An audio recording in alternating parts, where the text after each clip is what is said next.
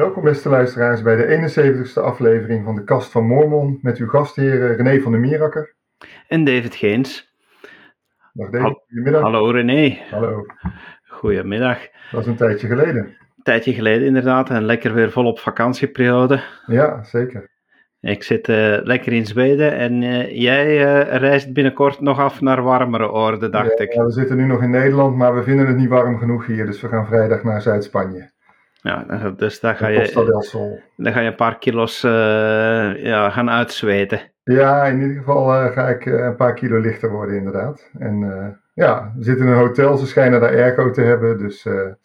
Maar goed, we gaan ook een paar leuke dingen doen. Ik ga een weekje met mijn vrouw en daarna nog een weekje met mijn dochter en met mijn vader van 82. Dus dat wordt heel gezellig. Een soort familiereunie, want mijn broer die zit daar ook in de buurt in een appartement. Dus we kunnen elkaar gaan opzoeken daar. Dat klinkt inderdaad heel gezellig. Ik, ja. ik moet nu wel zeggen, ook hier, temperaturen vallen hier eigenlijk heel goed mee. Nu, voor volgende week gaan ze ook wel even uitschieten naar 30 graden. Maar het is hier ja, we zitten in een regio waar het wel gemakkelijk 23 graden wordt, maar waar altijd een beetje wind is. Dus uh, wel, wel altijd aangenaam om te verkoelen. S'avonds is het dan wel zo'n beetje dat je zegt van, ha ja, was die wind nou maar even weg. Ja, dat zal de komende dagen toch een stuk comfortabeler zijn dan hier in Vlaanderen of in Nederland, denk ik. Oh, ik heb alleszins al ondervonden dat ik al uh, met een paar keer het water op te gaan met de boot, dat ik, uh, dat ik heel snel wat kleur heb bijgekregen. Dus ik ben, uh, ben zo mijn, mijn maagdelijk wit huidje helemaal kwijtgeraakt en nu heb ik eindelijk een zomerse look. Ja, ik zag een paar foto's op Facebook voorbij komen. Dat zag er wel, wel stoer uit op het water. Ja, ja dat, is, dat, is, dat is best wel leuk om dan om zo te kunnen genieten. Ja. Maar goed, laten we eens even kijken naar wat we vandaag allemaal op het programma hebben staan in onze podcast. Um, misschien eens eerst even uh, over jou hebben, want ja, je bent bij onze podcast gekomen toen je nog maar net uh, lid was van de kerk. En inmiddels zijn we een tijdje verder. Ja. Dus in je, je groeiverhaal hebben we hier allemaal gevolgd. En je hebt inmiddels je begiftiging gekregen. Ja, dat klopt. Ik uh, ben in maart, toen de tempel in Nederland dicht was, naar Frankfurt gereisd om daar mijn begiftiging te krijgen. En uh, ja, dat was een hele bijzondere ervaring. Ik uh, kan me nog herinneren dat ik toen ik voor de eerste keer in de podcast was, ik zei dat de tempel nog een beetje ver van mijn bedshow was. Nou, inmiddels uh, is die dat niet meer. Ik heb na de begiftiging ben ik nog een paar keer naar andere tempels geweest. Ja, ik vind het heel bijzonder. Ik, ben echt heel graag in de tempel. Het is, het is een sluitstuk. Hè? Dan, dat, ik weet dat dat bij mij nog zo het gevoel gaf na dat jaar toen ik eindelijk naar de tempel kon van ja, nu, nu voel ik me volledig lid. Nu heb ik het, uh, nu heb ik het uh, wat echt uh, helemaal tot mij genomen en, en nu kan ik voluit gaan. Ja, ik herken dat. Voor mij was het inderdaad alsof het laatste puzzelstukje op zijn plek viel. En ja, ook, ook ik, wat ik voor mezelf kan zeggen is dat ik de, de tempel ook echt zie als een, als een plek waar je persoonlijke openbaring kan ontvangen, mag ontvangen. En uh, ik wist dat wel, ik had erover gelezen, maar ja, de scepticus in mij die zei, uh, het zal allemaal wel loslopen. En inmiddels ben ik nu zes keer naar de tempel geweest voor een begiftigingssessie. Eén keer voor mezelf natuurlijk en, en vijf keer plaatsvervangend. Ja, en elke keer was dat toch een hele bijzondere ervaring. En op het moment dat je dan eindigt in de celestiale kamer, en daar zit te bidden, uh, nou, samen met mijn vrouw, ja, dat, dat gevoel wat ik in die kamer uh, ervaar, dat, uh, ja, dat is toch wel voor, voor, mij onbeschrijfelijk en heel diep en dieper dan ik ooit had gedacht. Ja, dat, dat herken ik heel goed. Dat is, dat is iets bijzonders en doorheen de tijd kan dat ook echt op verschillende manieren zijn. Ik weet dat dat in het begin voor mij ook, uh, ja, dan, dan, dan is dat zo geweldig, zo nieuw, dat, dat je dat ook allemaal een plaats moet kunnen geven. Maar doorheen de tijd heb ik een aantal keer ondervonden dat, dat je daar soms echt wel, wel, wel zit en dat je daar dat, dat je ervaring afhangt van, van hetgeen wat, wat eigenlijk met je moet gebeuren. Soms, soms is het heel rustgevend, soms voelt het aan als je buiten komt dat je een schop tegen je kont hebt gekregen. Oh ja, kan ik me voorstellen. Uh, ja, ja. het is echt wel de, de, Heilige Geest, die, die komt daar toch wel uh, met, met, boodschappen die je, die je soms echt wel moet horen, ja. die je misschien niet wilde horen, maar die je echt wel moet horen ook. Ja, ik had ook gelezen dat je altijd het beste met een vraag in je hart de tempel in kan gaan. En dat je dan ook uiteindelijk uh, antwoord op je, op je vraag zal krijgen. Misschien niet altijd uh, als je in de tempel zit, maar in ieder geval daarna. En tot nu toe is het bij mij echt uitgekomen. Echt tegen ja, mijn eigen. Nou, ik kan niet zeggen tegen mijn verwachting in, want ik wist dat dat, dat dat zo zou zijn. Maar het was toch heel bijzonder om dat dan mee te maken. Dat je gewoon met een, een vraag of een onzekerheid in je hart in de, in de tempel gaat. En dat je dan in de celestiale kamer zit en dan gaat bidden. En dan echt, ja, gewoon vanuit de Heilige Geest de antwoorden gewoon uh, aangereikt krijgt. Ik vond dat echt heel bijzonder. Het maakte me heel dankbaar. Ja, en ook heel zeker, nederig. Ja. Zeker geen slecht idee om met een vraag binnen te gaan. Om nu te zeggen van je moet dat altijd doen. Um, ja, zeker nu het nog allemaal voor jou nieuw is, is, is dat uiteraard eh, een heel goede manier. Maar uh, ik ga er inmiddels ook soms gewoon naartoe om tot rust te komen. Om echt van, ik ga hier gewoon binnen en ik zie wel wat er op mij afkomt. Ik laat, uh, ik laat echt uh, gewoon weg. En ja, soms is het ook, is het ook ja, ik zou zeggen enkel maar dat, maar dan is, dat, dan is mij dat ook heel dierbaar. Ja. Ik, ik heb ook al, al keren in de celestiale kamer gezeten dat er zo niks gebeurt, dat ik zo niks heb van, oh, de Heilige Geest heeft nu iets tot mij gesproken, of ik heb een antwoord op dit gehad. Maar dan ook niet dat ik er naar zocht, dat ik gewoonweg zoiets had van, ik wil eens dicht bij mijn hemelse vader zijn. Net alsof ik hem kan knuffelen, gewoon eens lekker op mijn, op mijn, op mijn plekje zitten en, uh, en, en zo ervan genieten. En ja, bij mij gebeurt dat dan ook echt soms uh, op die manier van, dat het ook gewoon is van, hey, mijn batterij is terug opgeladen. Ja, precies. Uh, en en ja, het grote gevaar is dan dat je dat niet op prijs zou weten te stellen, hoewel dat dat dan toch wel heel belangrijk is wanneer je geestelijke batterij opnieuw opgeladen is en dat je daardoor energie vindt om een aantal zaken terug aan te pakken. Um, dus ja, misschien op termijn, als je, je moet je zeker niet te tegengehouden voelen omdat je zegt, oh, nu heb ik geen vraag, dus moet ik wel naar de tempel gaan. Je kan daar ook gerust uh, gewoon naartoe gaan en, en eens kijken wat er gebeurt wanneer je daar zit. Ja, en ik herken ook wat je zegt. Hè. Ik ben tot nu toe verwend, hè, tussen aanhalingstekens, met, met persoonlijke openbaring in de tempel. Maar ik kan me inderdaad voorstellen dat dat niet elke keer gebeurt. En ik kan me ook voorstellen dat de Heilige Geest soms wil dat je dingen zelf uitknobbelt. Natuurlijk heel makkelijk als je dat aangereikt krijgt, maar soms moet je er zelf ook wat voor doen. En dan zwijgt de Heilige Geest op, op, op dat moment om jou aan te moedigen om zelf nog wat, uh, wat huiswerk te doen. Dat is ook. Het kan, uh, het kan daarom heel verscheiden zijn. En ja, voor, voor de ene, ja, het is, het is voor iedereen anders. Uh, en je moet je daarbij voornamelijk niet laten leiden van, van zelfs niet ja, van, van eender wie die je wat vertelt. Er zijn, er zijn daar zusters en broeders die dat daar iedere keer met tranen de deur uitkomen. Ja. Dat bijvoorbeeld nooit. Uh, nooit is misschien veel gezegd, misschien dat ik het één keer eens heb gehad, dat ik tot tranen toe bewogen was. Ja. Uh, maar ja, het is niet dat ik daar iedere keer zo, zo geëmotioneerd raak. Dus het is dan niet om je een aantal anderen ziet doen. Die vraag heb ik me bijvoorbeeld gesteld van, oh ja, ik zie zoveel uh, broeders en zusters tranen en ik voel dat niet. is er iets mis? Maar het is gewoon heel persoonlijk. En het is maatwerk, hè? Ja. Het is echt helemaal ja. kent jou door en door. En ja, weet dan ook wat je nodig hebt. En, en ja, het is wel belangrijk dat je, dat je daar zit met de mentaliteit om te aanvaarden wat, wat er je wordt doorgegeven. Precies. Uh, die ervaringen die kunnen, ik ben nu iets meer dan elf jaar lid, die kunnen, en ik ben al ja, heel veel in de tempel geweest sinds de COVID-periode, een heel stuk minder. Um, maar het is iedere keer opnieuw anders. Van, ik kan, kan niet zeggen dat het, dat het twee keer hetzelfde al geweest is. Ja, en, inmiddels is er voor mij nog een dimensie bijgekomen, want ik heb sinds uh, een aantal weken mijn tempelhuwelijk uh, mogen slijten. Proficiat. Wat ook heel bijzonder was. Ja, dankjewel. Dat is echt wel uh, een heugelijke gebeurtenis. ja, zeker. Geeft dat een ander perspectief aan je huwelijk nu, René? Ja, ik, uh, wij waren er ook wel na, naartoe aan het werken. Ik denk dat je wel kan stellen dat we het goed hebben voorbereid. We hebben ook tempellessen gevolgd in de kerk. Online zijn er ook behoorlijk wat, uh, wat tempellessen die, die je kan volgen. Dat hebben we, hebben we braaf gedaan. En ja, dan merk je op een gegeven moment dat je er ook echt aan toe bent. Hè? Je moet eerst goed snappen wat de tempel is, welke verbonden daar worden gesloten, wat er van jou verlangd wordt. Ja, en dan is de volgende stap natuurlijk uh, snappen hoe zo'n tempelhuwelijk werkt, hè, wat, wat een eeuwhuwelijk is. Uh, hoe dat aansluit bij je, bij je eigen begiftiging. En uh, nou ja, dat, daar was wel wat werk aan de winkel in, in de zin van de voorbereiding. Maar toen we dat allebei achter de rug hadden, toen hadden we ook allebei het gevoel dat we er echt, echt klaar voor waren. En het was ook een hele, hele fijne sessie. Er waren veel mensen aanwezig. Mensen uit de wijk.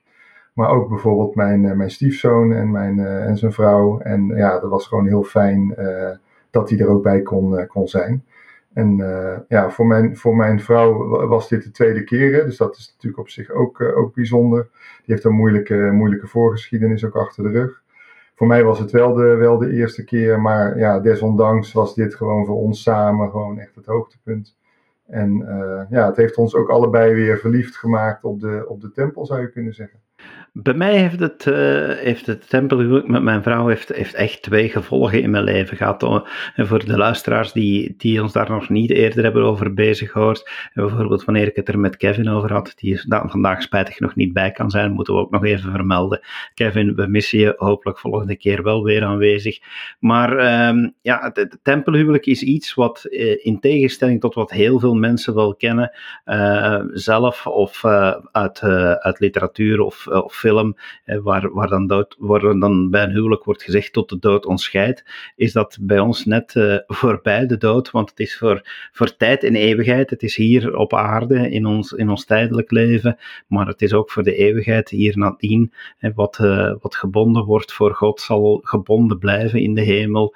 Uh, dus dat, dat geldt daar ook voor. En dat heeft voor mij een concreet gevolg die, het beseffen daarvan dat ik, dat ik, dat ik zo'n verbond heb gesloten, dat dat echt eeuwigdurend is, dat heeft heel wat dingen, triviale dingen in het huwelijk, eigenlijk relatief gemaakt van, ja, net zoals overal zijn mijn vrouw en ik het ook wel eens over iets niet eens en zeer zelden vallen er woorden. We zijn gelukkig geen van de twee uh, mensen die, die, die makkelijk ruzie maken. Maar ja, soms heb je toch zoiets van: hé, hey, van.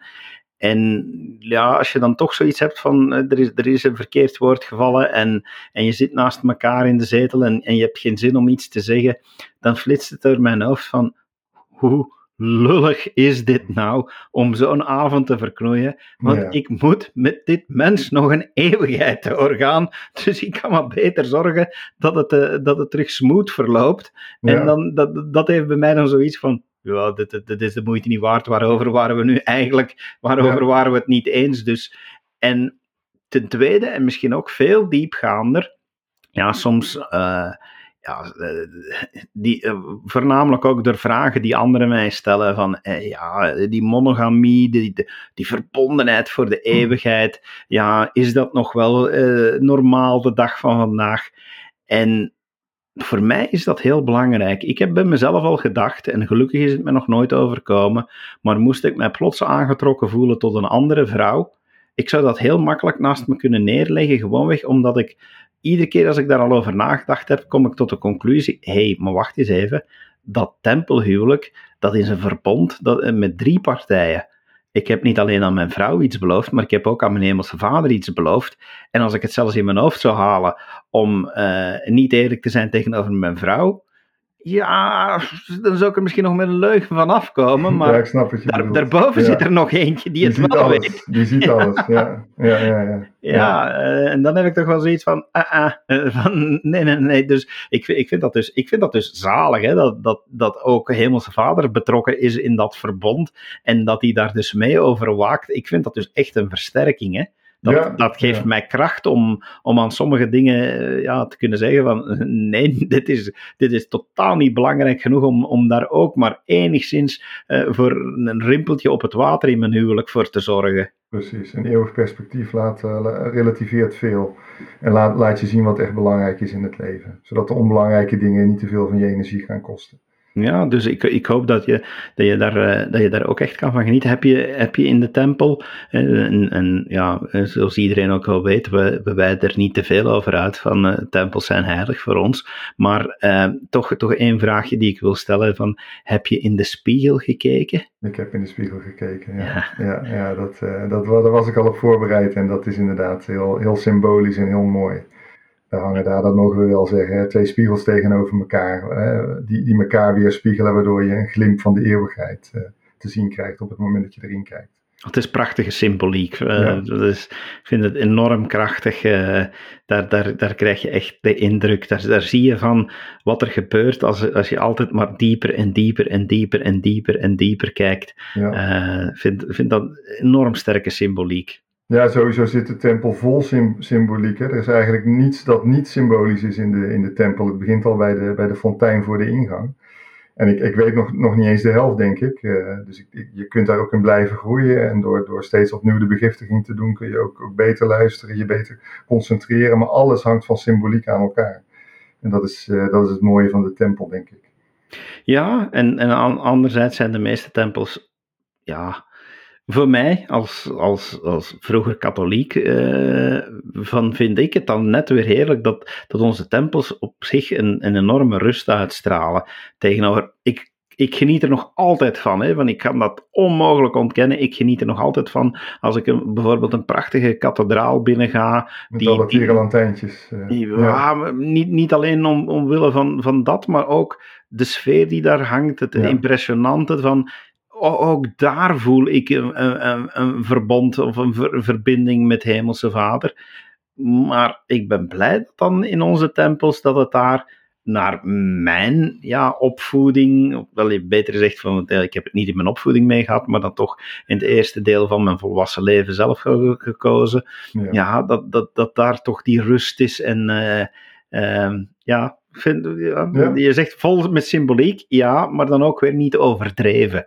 dat wil ik eigenlijk zeggen. Ja, functioneel uh, symbolisch. Ja. Wat ik heel bijzonder vond, ik ben ook in uh, Peru naar de tempel geweest, in Arequipa.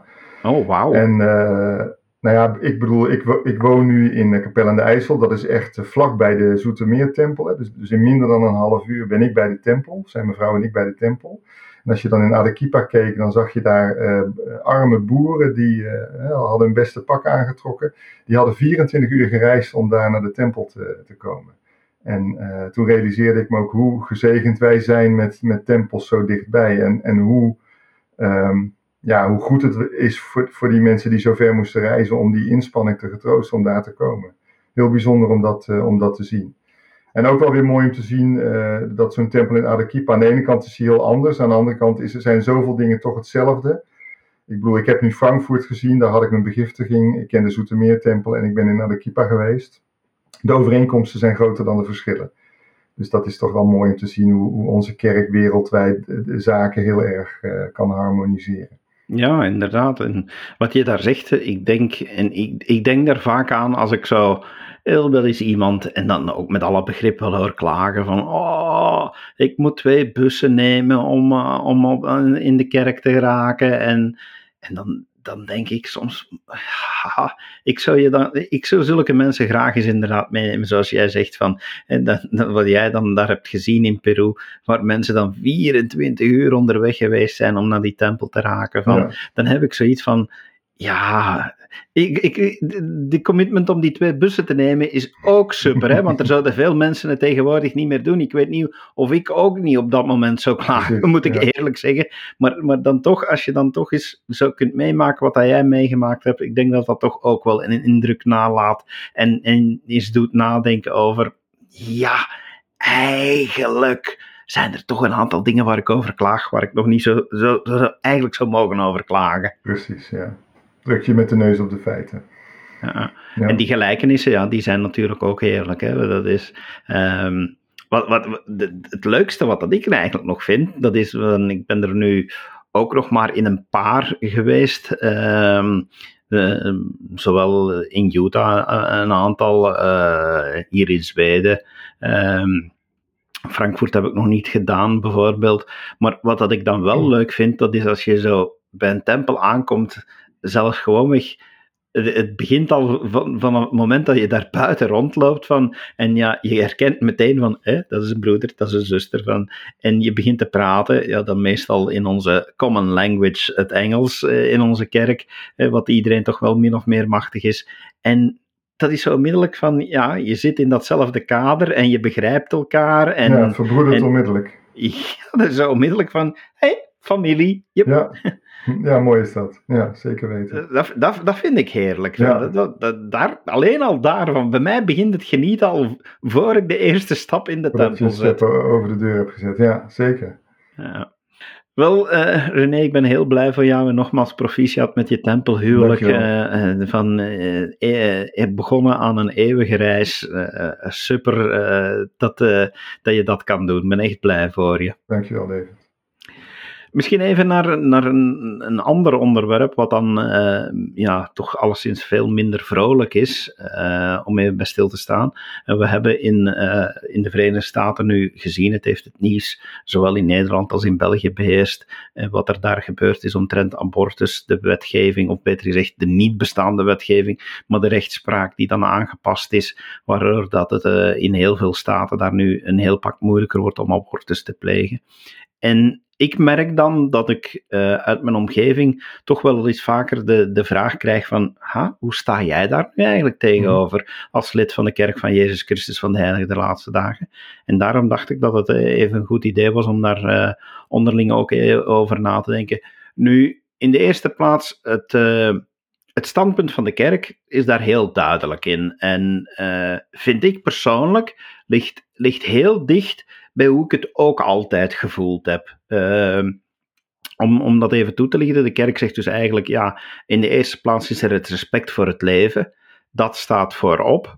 Uh, dus ja, abortus, ze zeggen ook niet van het kan nooit. Er zijn gevallen waarin het kan, onder andere wanneer de gezondheid van de moeder bedreigd wordt, of wanneer het, eh, het, het kind geboren zou worden en, en ja, dan, dan onmiddellijk zulk lijden zou hebben uh, dat het ook niet te verantwoorden is, ja, dan, dan vinden we verantwoord. En het kan overwogen worden in het geval van verkrachting en incest, maar zelfs daarbij zegt men dan, blijf, het belangrijkste is altijd van, het blijft een persoonlijke beslissing die je moet nemen na grondig gebed en, en overleg met Hemelse Vader. En ja zoals ik zeg, dat ligt heel dichtbij bij, hoe ik het ook altijd voel.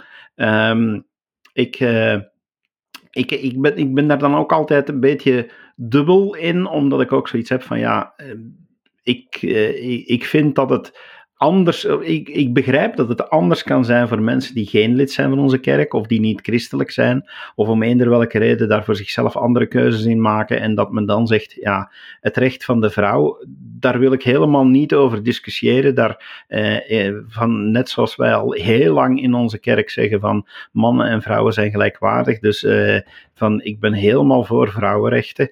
Maar ik, ik ga dus ook nooit iemand, moest die tegen mij zeggen, ja, ik heb om die om die reden abortus gepleegd. Van, ja, dan, eh, dan ga ik met heel veel liefde zeggen van, ja, uh, zo, ik ga je daar niet uh, met een scheef oog voor bekijken.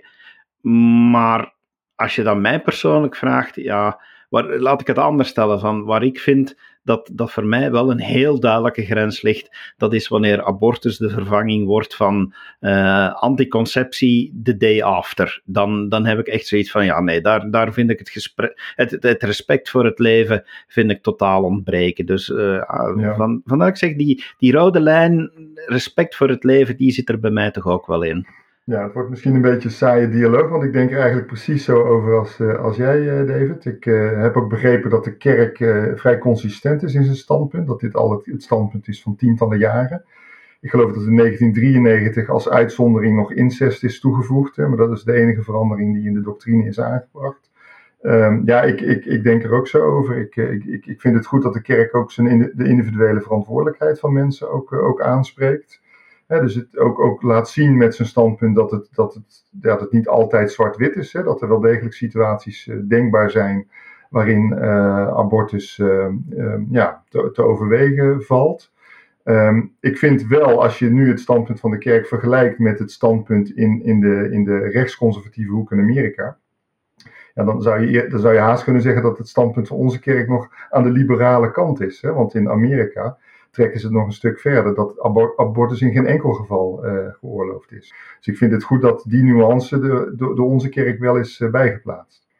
Ja, inderdaad. Daarmee, daarmee dat ik zeg, ik heb, ik heb echt, dat is nu een richtlijn waar ik echt geen probleem mee heb en waar, waar voor mij geen discussie over moet bestaan, uh, waar, waar ik me ook niet kan inbeelden dat ik, dat ik zelf, ik kan me wel inbeelden dat anderen een probleem ermee zouden hebben, maar zelf heb ik, heb ik er hoegenaamd geen probleem mee, omdat zeker ook dat persoonlijke aspect erin zit, maar dat anderzijds wordt, wordt toch gekeken naar, naar, ja, naar bescherming van, van het prille leven. En ja, dat, bijvoorbeeld, dat, als je daar dan dieper op ingaat, op de, op de, ja, dat is niet echt doctrine, maar dan toch wel de, de richtlijnen van de kerk, die men zegt ook bij incest en verkrachting. Ja, misschien toch ook eens even stilstaan bij het feit van dat je dat kind wel kan ter wereld brengen, maar dat het dan inderdaad voor jou te moeilijk is om het op te voeden. Maar er zijn andere mensen die geen kinderen kunnen krijgen, die dat dan met heel veel liefde zouden doen. Ja, ik vind dat een respectabel standpunt dat toch ook even mee mag in overweging genomen worden. Zonder het daarom te zeggen van, ah, maar zo moet het voor iedereen. Van, zelfs bij verkrachting is abortus totaal verboden en je moet dat kind en je moet het dan maar afstaan ter adoptie. Dus uh, ja, van, misschien dat de buitenwereld zegt van, uh, David, uh, René, jullie zijn enorm conservatief. En ik heb aan de andere kant iets van, ja, maar dit stukje van dit conservatieve, laat het toch maar even meespelen in de debatten die nu weer op gang gekomen zijn in Nederland en België. Ja, en, en ook in de, in de tijd dat ik nog geen lid was van de kerk en ik het Rooms-Katholieke geloof al lang had afgeschud, zat ik in een soort vacuüm waarin ik wel in God geloofde, maar nog niet precies wist hoe ik daar dan richting aan moest geven. Maar toen heb ik eigenlijk ook altijd zo al over abortus gedacht. Ik dacht van ja, het is wel een menselijk leven waar je over praat. Dus je kunt het hebben over baas in eigen buik en vrouwenrechten. Maar ja, voor mij was het leven altijd al heilig. En uh, ja, ik vind dat je dat inderdaad zwaar moet, moet meewegen in je individuele keuze om, om uh, over te gaan tot abortus of niet. En ja, dus het standpunt van de kerk strookt volledig met hoe ik daar al over dacht. en ik kan daar gewoon helemaal mee leven. En dan kan je gaan discussiëren over, en, dan kom je soms en met sommige mensen kom je dan spijt genoeg in discussie, ja, maar wanneer begint het leven dan? Ik heb daar ook geen klaar en duidelijk antwoord op. Uh, is het, is het vanaf, vanaf het eerste moment? Is het vanaf wanneer er een, een, een hartslag is? Uh, ik kan ook... het feit dat je, er, dat je het niet zeker weet, dat, dat zou ervoor moeten zorgen dat je er uiterst zorgvuldig mee omgaat.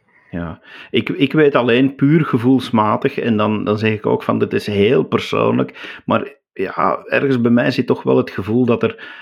En, en vandaar dat ik ook nu zeg: in België gaat de discussie, moet de wet opengetrokken worden. In België is abortus nu tot 12 weken toegelaten. En ik heb zoiets, mensen, laat het daar alsjeblieft. Want mijn aanvoelen is toch ook: de meeste mensen ja, die beginnen te vertellen dat, dat ze zwanger zijn, dat ze ouders gaan worden of opnieuw gaan worden na die eerste drie maanden. Dan heb je toch echt wel zoiets hè, van, van de natuurlijke periode waarin er makkelijk iets kan mislopen, is voorbij. Ehm, ja, ik voel daar dan toch, maar ik zeg het, dat is heel persoonlijk, ik voel daar dan toch een heel sterke grens liggen. Uh, ik heb het spijtig genoeg met mijn vrouw drie keer meegemaakt om, uh, om afscheid te moeten nemen. Eén ehm, keer al wat vrij verder in, in, in de zwangerschap, voorbij die grens van drie maanden. Waarna we ook dus na de periode dat we echt ook al de, het verteld hadden aan de familie en gevraagd hadden aan Peter en Meter, wil je, ja, dat is enorm zwaar. Ja, dat, dan, dan, dan heb je echt van, dan, dan heb je echt, of dat hadden wij toch, dan heb je echt het gevoel van verlies. Uh, en en ik, ik heb nog altijd zoiets van, ja, daar, daar ben ik echt een kind verloren. Ik heb het ook twee keer met mijn vrouw meegemaakt. Vroeger in de zwangerschap. Ja, dat, dat is anders. Dat, ik kan dat niet ontkennen. Dat is toch anders. Van, voor mij toch van, ja, dat, dat kon ik makkelijker een plaats geven. Van, uh, die band is misschien dan nog niet zo sterk. Van, maar ja, van, ik moet toch zeggen van één keer dat je die echo hebt gezien met dat kloppend hartje. Ja, dat was voor mij toch echt van, oh, hier is mijn kindje. Ja. Dus, uh, maar ja, dat was een natuurlijke grens inderdaad. Ja, maar ook dat is weer voor iedereen persoonlijk. Hè. Dus, uh, Maar ik vind het toch wel, wel belangrijk genoeg om eens te zeggen van, laat ons hier toch niet te lichtzinnig over gaan. Dit, dit mag toch echt wel een van de zwaarste maatschappelijke debatten zijn die, uh, die in onze parlementen gevoerd wordt en niet het resultaat moet zijn van een, een simpel politiek compromis. Ja, eens. Het gaat hier over leven en dood. Dat kan je niet serieus genoeg nemen. Ja, inderdaad. Je bent uh, zoals altijd uh, nog altijd een boekenlezer, dus ik ben er zeker van dat je uh, een, weer, weer ergens een boek tevoorschijn gaat toveren die ik op mijn te, te lezenlijst ga zetten en waar die dan een paar jaar gaat op kamperen totdat ik eindelijk eens tijd heb in al mijn hobby's en taken. Maar kom aan, kom er maar mee op René. Wat, op. Ik, wat, wat, moet ik op mijn lijst zetten? Nou, ik heb heel veel boeken gelezen, ook hele goede boeken, dus ik kan hier nog een uur gaan ratelen over alle boeken die ik de afgelopen maanden heb gelezen. Dat ga ik niet doen, want er is er één uh, die er wat mij betreft met kop en schouders bovenuit stak. En dat boek heet uh, A Walk in My Shoes, met als subtitel Questions I'm Often Asked as a Gay Latter-day Saint. Uh, het is geschreven door Ben Chiletti. Het is uitgegeven door Deseret Books. Ik kende Ben Chiletti van de podcast Questions from the Closet. Dat is een podcast die gaat over ja, de, de, de, toch wel de worsteling van veel uh, homoseksuele leden van de kerk. Uh, met hun geaardheid. En uh, dit boek gaat daar ook over. Ben Chilet die werkt aan de, aan de BYU. En ja, hij schrijft eigenlijk over zijn worsteling om zijn geloof te verzoenen met zijn seksuele oriëntatie. Het boek is opgezet in, in de vorm van een aantal hoofdstukken, waarin per hoofdstuk een, steeds een vraag wordt beantwoord. En een vraag is bijvoorbeeld: word je als homo geboren? Uh, waarom blijf je überhaupt nog in de kerk? Uh, waarom trouw je niet gewoon met een vrouw? Uh, als, je, als je ervan uitgaat dat een huwelijk gaat om meer dan alleen seks. En ja, ik vond, dat, ik vond dat toch wel heel mooi om te lezen. Hartverscheurend hier en daar zelfs. Um, je, je, je ziet echt dat, ja, dat Ben Chiletti er niet voor gekozen heeft om, om homo te zijn. hij heeft echt geworsteld met zijn geaardheid. Echt ook boos geworden op God om het feit dat hij, dat hij homo is. Uh, hij, hij, zegt ook heel duidelijk, ook in de inleiding zelfs al, van dit is mijn manier om ermee om te gaan. Maar goed, ik wil dat niet ook voorschrijven aan, eh, aan anderen. Hij roept ook op, geef dit boek niet cadeau aan een homo-vriend die de kerk wil verlaten, maar ga in plaats daarvan met hem in gesprek. En want mijn oplossing, of de manier die ik heb gekozen, dat hoeft niet de manier te zijn eh, die uh, op moet gaan voor, jou, voor jouw vriend of vriendin. Dus hij wil niet, niet prescriptive zijn, zoals hij dat dan heet. Maar um, ja, wat ik, wat ik uh, aan uh, overhoud is toch een heel genuanceerd beeld van ook hoe, hoe in Amerika wordt omgegaan binnen onze kerk met homoseksualiteit.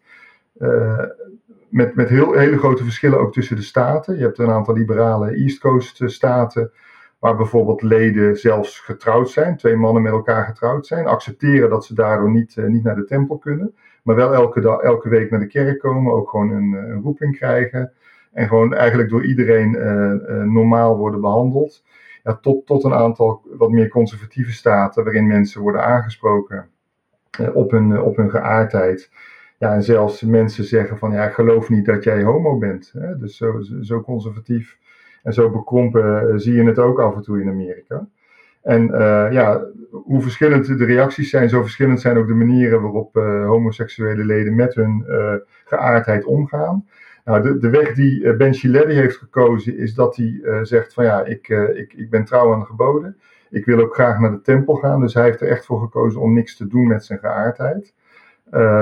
waardoor hij ook ja, voor, voor alles in aanmerking komt binnen onze kerk. Maar goed, dat is geen makkelijke keuze geweest. Want hij zegt van ja, je kunt wel zeggen, als het alleen om, om, om de seks gaat, hè, waarom trouw je dan niet met een vrouw? Maar hij zegt, ik voel me niet alleen uh, in lichamelijk opzicht tot mannen aangetrokken, maar ook in spiritueel opzicht, in intellectueel opzicht en ga zo maar door. Dus het feit dat hij voor een celibatair leven heeft gekozen, ja, dat is voor hem echt wel een, een opoffering uh, geweest. En het is gewoon heel mooi om te, om te lezen hoe, hoe hij daarmee omgaat. En ook die podcast kan ik ook van harte aanbe aanbevelen. Het geeft gewoon een kijkje in ja, toch een wereld waar je normaal gesproken niet zo, niet zo bij stilstaat. Ik bedoel, ik ben hetero, dus ik, heb, ja, ik worstel niet met dezelfde dingen als, als waar hij mee worstelt.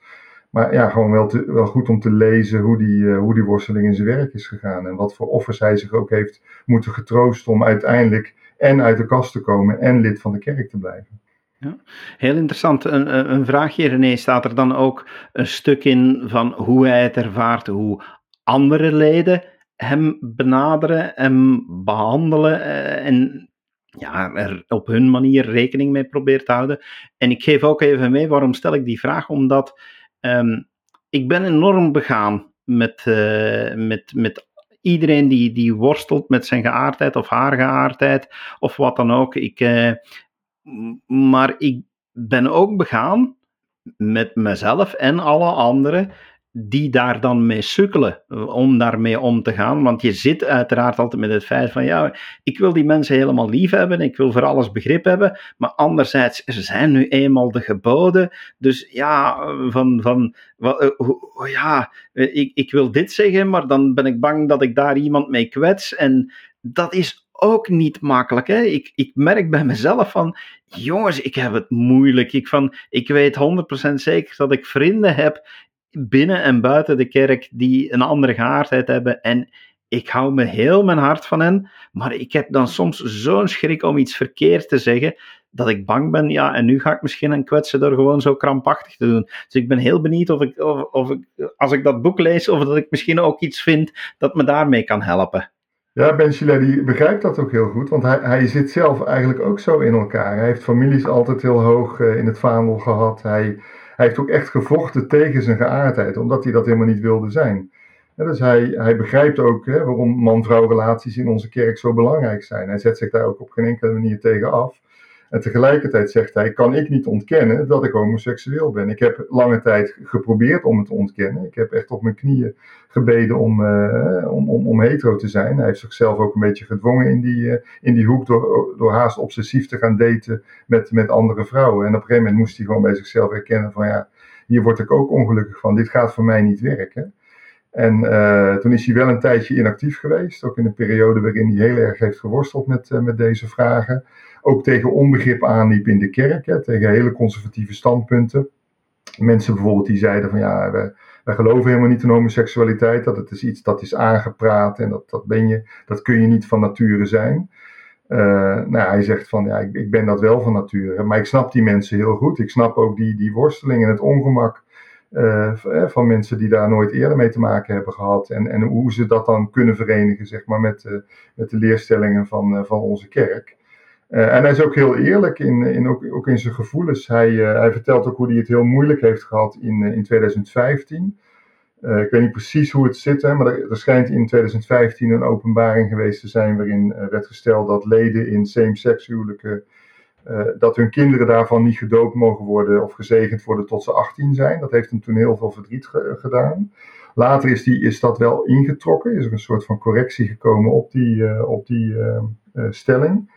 Um, maar hij zegt dus ook heel eerlijk dat hij, dat hij toen bij het aantreden van president Nelson ja, ook wel zijn bedenkingen had, omdat die openbaring ook mede uit de koker van, van Nelson kwam. Hij zei ook dat op het moment dat hij president Nelson voor het eerst hoorde speechen, voelde hij zo sterk de Heilige Geest. En had hij zo sterk het gevoel van ja, deze man, is, deze man is competent, hij is vol zelfvertrouwen, hij is grappig, hij is vol energie, dit is mijn profeet. En tot zijn grote vreugde is het beleid van 2015 ook vrij snel na het aantreden van Nelson weer teruggedraaid. Hij, heeft, hij, hij veroordeelt het niet, hè. Hij, hij, hij, zet zich ook niet af tegen die openbaringen. Hij accepteert ze ook gewoon als openbaringen van, van de profeten. Maar ja, hij, hij schrijft wel over zijn worsteling eh, en zijn gevoelens dat hij daar toch wel heel moeilijk mee, eh, mee had. En die eerlijkheid die is denk ik heel erg, uh, heel erg te prijzen. Oké, okay. uh, oké, okay. geen twijfel meer. Kom bij op mijn te lezen lijst. Uh, van, uh, zelfs, zelfs met redelijke hoge stip. Dankjewel om dat even te delen, René. Um, nog een paar andere dingen die ik wil meegeven. toch voor diegenen die het zouden gemist hebben. Een aantal kleine nieuwigheden in onze kerk. Zo de kleine nieuwtjes die we er ook tegenaan gooien in onze podcast. Ik weet niet of jij het al had gezien, René, want het is ook niet overal, niet alle papiertjes zijn al vervangen en dergelijke. Maar het donatiesysteem, onder andere voor, voor de tinden en de vaste gaven, is een beetje veranderd. Ik weet niet of je het gezien hebt. Ik had de laatste keer wat, wat moeite ermee. Ik weet niet of dat daar dan mee te maken heeft. Ik wist niet dat het veranderd was eigenlijk, nog niet. Uh, ja, er is, er is, wat geschoven in categorieën. Er zijn wat, uh, wat oh, categorieën ja. okay. verdwenen en samengevoegd.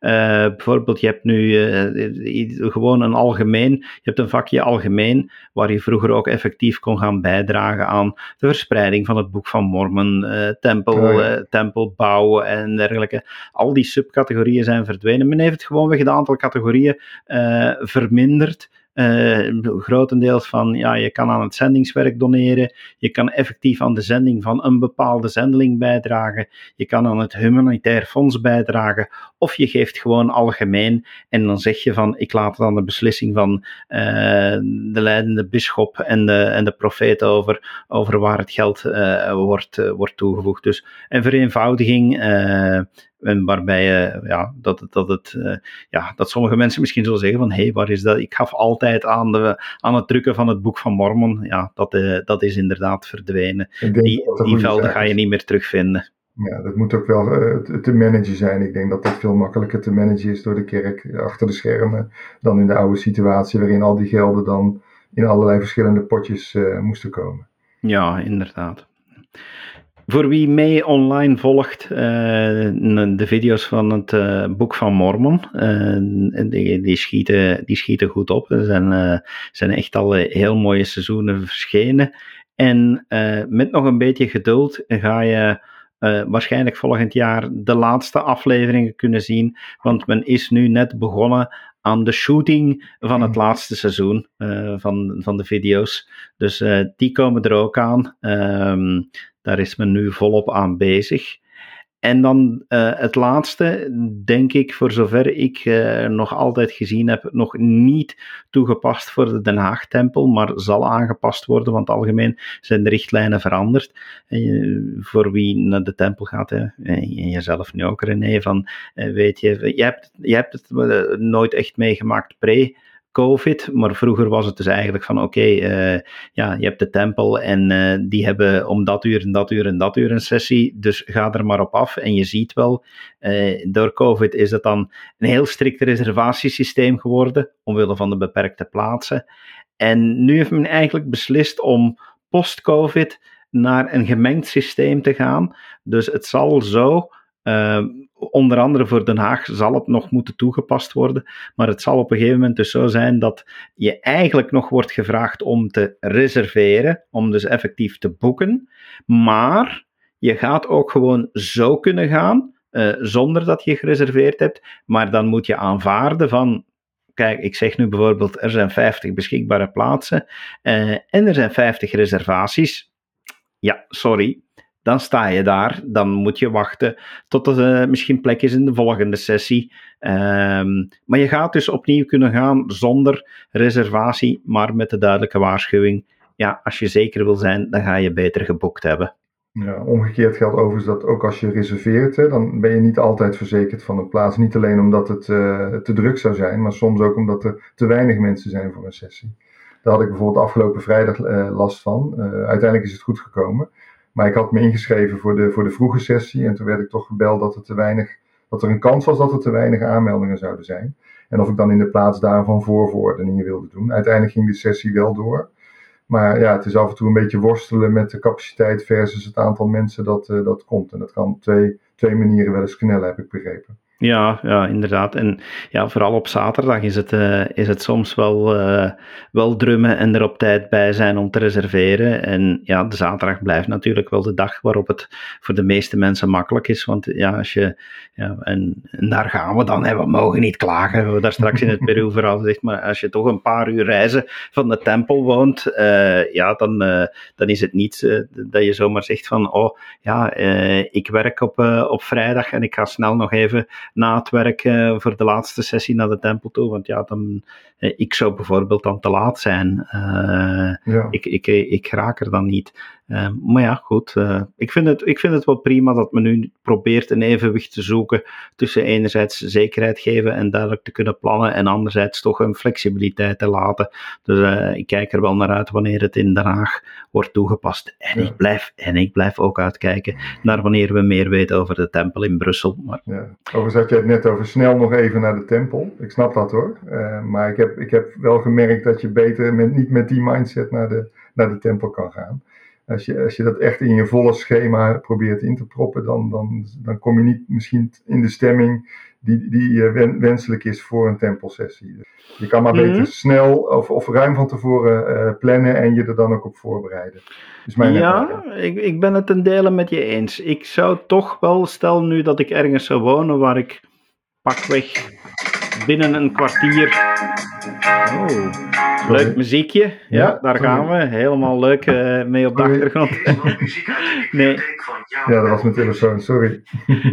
kan gebeuren. Nee, moest ik nu ehm, bijvoorbeeld ergens wonen waar ik een kwartier van een tempel af ben en eh, ja, dan zou ik me ook kunnen laten leiden door, ja, is het dan inspiratie of ingeving van het moment zo van, goh, eh, ik heb eigenlijk nu niet echt nu iets wat ik nu moet doen en ik voel toch dat ik iets zou kunnen opsteken door in de tempel te zijn of iemand te kunnen helpen. Ja, dan zou ik toch ook niet twijfelen en zeggen van oké, eh, schat, wat denk je ervan? Gaan we over een half uurtje naar de tempel? Eh, Zo, ik zou dat wel Ja, kunnen daar doen. zit ook wel wat in. Dus als je, als je het zo omschrijft, hè, dan, dan bereid je er ook wel goed op voor. Ja. Maar Ja. dat, dat is dan misschien minder goed voorbereid, maar ja, nee, het zou, het zou mij toch, dat zou mij niet tegenhouden. Ik zou me dat dan wel zien doen. ja, dat snap ik dan ook wel Eh, weer. Ja. Goed. Ehm, jij nog iets er tegenaan te gooien, René? Ja, nog een, een tip misschien. Ik, eh, er zijn heel veel podcasts die ik zou kunnen aanraden. En eh, er is gewoon meer te luisteren dan dat je tijd hebt natuurlijk. Hè? Dus, maar eentje die ik heb ontdekt en die ik toch wel erg leuk vind is Latter-day Lives. Er staan Oh ja, meer dan die ken ik. 200, oh, die ken je wel. Nou, dan hoef ik, Ja. eh, nou, misschien voor onze luisteraars die hem niet kennen. Het, eh, er staan meer dan 200 afleveringen online. Het zijn afleveringen van ongeveer een uur waarin steeds één iemand wordt geïnterviewd. En eh, ja, tot, ik heb er nu drie geluisterd. En dat waren drie hele bijzondere interviews met hele bijzondere getuigenissen. Heel opbouwend, heel inspirerend. Dus die podcast kan ik iedereen van harte aanbevelen. Ja, ik ga er één side noteje bij plaatsen. Ehm, en dat geldt algemeen bij, bij, bij verschillende dingen, bij, bij heel veel materiaal eh, wat, eh, wat naar boven komt. eh, ook bij boeken die je noemt en dergelijke. Ehm, maar zeker bij deze podcast. Als ik er naar luister, en ik heb ze zeker niet alle 200 beluisterd, maar er zijn een aantal verhalen waarvan ik zeg: ja, maar onthoud dat dit in de Verenigde Staten is. Oké, ja, dat is natuurlijk altijd goed om je dat te realiseren. Ja, Ja, ja van, van, we zijn een universele kerk, maar er zijn toch dingen die in Utah anders verlopen dan hier, omdat daar nu eenmaal, ja, dat je daar echt in een gemeenschap woont, die, Ja. waar, waar iedereen eh, min of meer hetzelfde denkt. En, en hier zijn we dan een minderheidskerk. En soms heb ik dan zoiets van, ja, eh, perfect mooi verhaal, maar dat zou niet helemaal zo werken hier bij ons. en daarom, David, hebben wij de kast van Mormon. Ziezo, inderdaad. Daarmee hebben we dan ook weer een reden gegeven om te blijven luisteren. En dan eh, eh, kunnen we afsluiten met de oproep naar onze luisteraars om dat te blijven doen. En om ook reclame te blijven maken voor onze podcast. We zijn misschien niet altijd er even regelmatig, maar we blijven getrouw bezig. En we komen zeker ook wel weer terug na deze nummer 71. Nummer 72 komt er ook wel weer aan. Dus eh, blijf ons op, op ons afstemmen en blijf uw reacties doorsturen zoals altijd. René, dankjewel voor je tijd. Graag gedaan. Jij ook bedankt, David. En nog een heel fijne zondag. Fijne zondag. En u ook, beste keer. luisteraar. Tot een, een volgende keer. Dag. Dag.